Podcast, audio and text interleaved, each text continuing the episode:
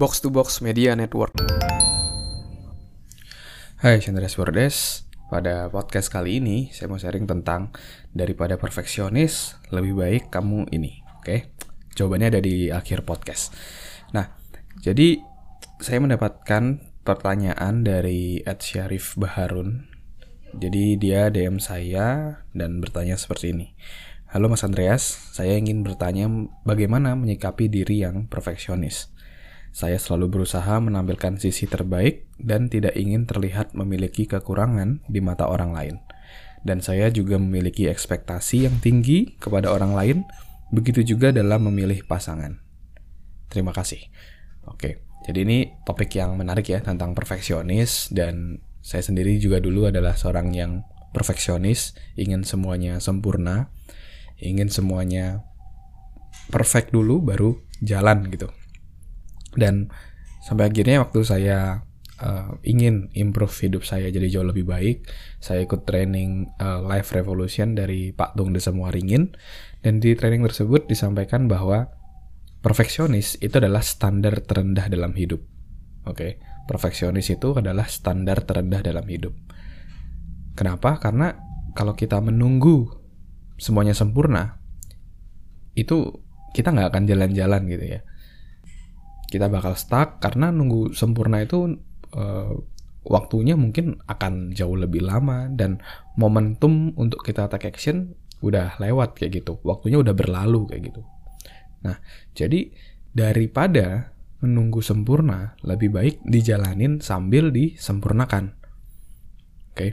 dan kalau saya lihat dari apa namanya orang-orang yang sukses gitu ya orang-orang yang berhasil kayak pengusaha-pengusaha gitu ya contohnya ya. Mereka juga ketika memulai itu ya pasti resource-nya terbatas gitu. Tapi mereka nggak nunggu sempurna, tapi mereka mulai aja dulu, jalan aja dulu, jualan dan lain-lain, bahkan kayak uh, Amazon, terus kayak Facebook dan lain-lain gitu kan banyak banget tuh yang mereka mulai dari garasi rumahnya, dari rumahnya dia mulai dari kecil dulu. Jadi dimulai sambil disempurnakan bukan nunggu sempurna dulu baru jalan kayak gitu. Oke. Kalau pengalaman saya sendiri uh, juga salah satunya adalah mungkin juga pernah saya mungkin pernah saya ceritain juga yaitu ketika saya menjadi trainer dan di situ juga ada momen di mana saya nunggu semuanya sempurna. Saya saya pingin semin saya ingin seminarnya ada di hotel dan lain-lain padahal masih baru dan saat itu saya masih kelas 12 SMA. Saya tanya di Bontang dulu ada namanya hotel uh, hotel Sintu kalau nggak salah namanya ya. Saya tanya berapa uh, harganya sekian dan ternyata budgetnya nggak cukup apalagi peserta-pesertanya adalah anak-anak SMA gitu, teman-teman saya sendiri kayak gitu yang mau join. Nah, tapi saya berpikir kalau misalnya saya menunggu uh, momen itu sempurna, saya udah siap training di hotel, terus materinya juga semua udah siap segala macam, udah bisa public speaking dengan baik di atas rata-rata. Nah itu pasti akan sangat sulit sekali gitu. Kapan gitu kan trainingnya akan dimulai? Bisa jadi nanti itu mungkin 10 tahun lagi baru ketika udah punya pengalaman yang banyak, udah ketika udah punya uh, resource yang ada baru mulai. Tapi karena saya punya goal bahwa sebelum saya merantau ke Surabaya, saya pingin juga um, ngisi training di Bontang waktu itu di kota kelahiran saya. Akhirnya saya gunakan resource yang ada. Dan ya udah, akhirnya bikin trainingnya di ruang tengah rumah saya. Saya bikin gitu ya. Uh, jadi apa namanya barang-barang di ruang di ruang tamu itu saya masukin ke dalam kamar, saya kasih karpet, saya kasih kipas angin yang muter-muter gitu. Jadi peserta saya duduk di bawah lesehan sambil dengerin saya ngisi training. Papan tulisnya pun juga pinjem dari papan tulis ibu saya yang biasa digunakan untuk menjelaskan soal asuransi waktu itu. Dan tapi justru ketika memulai dengan uh, ketidaksempurnaan tadi dengan apa yang ada sambil disempurnakan di jalan justru itu menjadi nilai tambah gitu ya. Karena kita bisa segera take action dan bisa segera mendapatkan feedback di sana.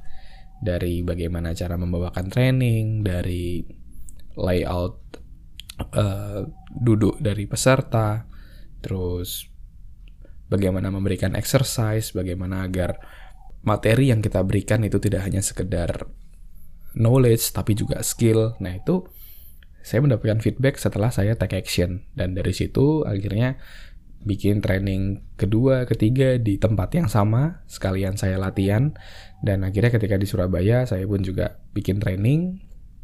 Waktu itu akhirnya tempatnya lagi dan waktu itu tempatnya agak meningkat. Di Surabaya saya pertama kali di restoran gitu kan. Karena di hotel juga masih budgetnya terlalu tinggi.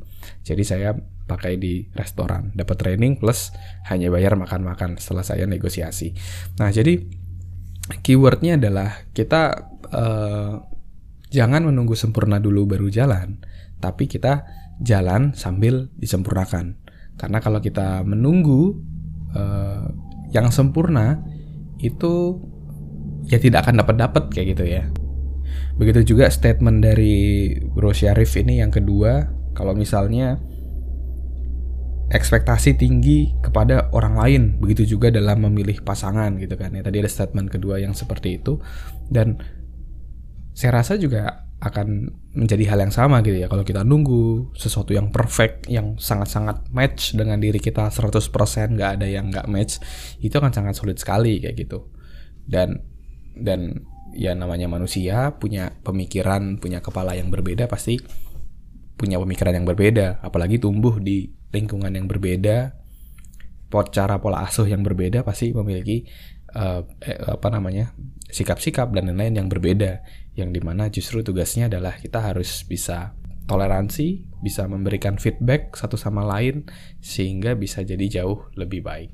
Jadi kesempurnaan tuh akan agak sangat sulit ya. Perfeksionis itu agak agak sangat sulit. Dan seperti yang Pak Tung sampaikan bahwa itu adalah standar terendah dalam hidup.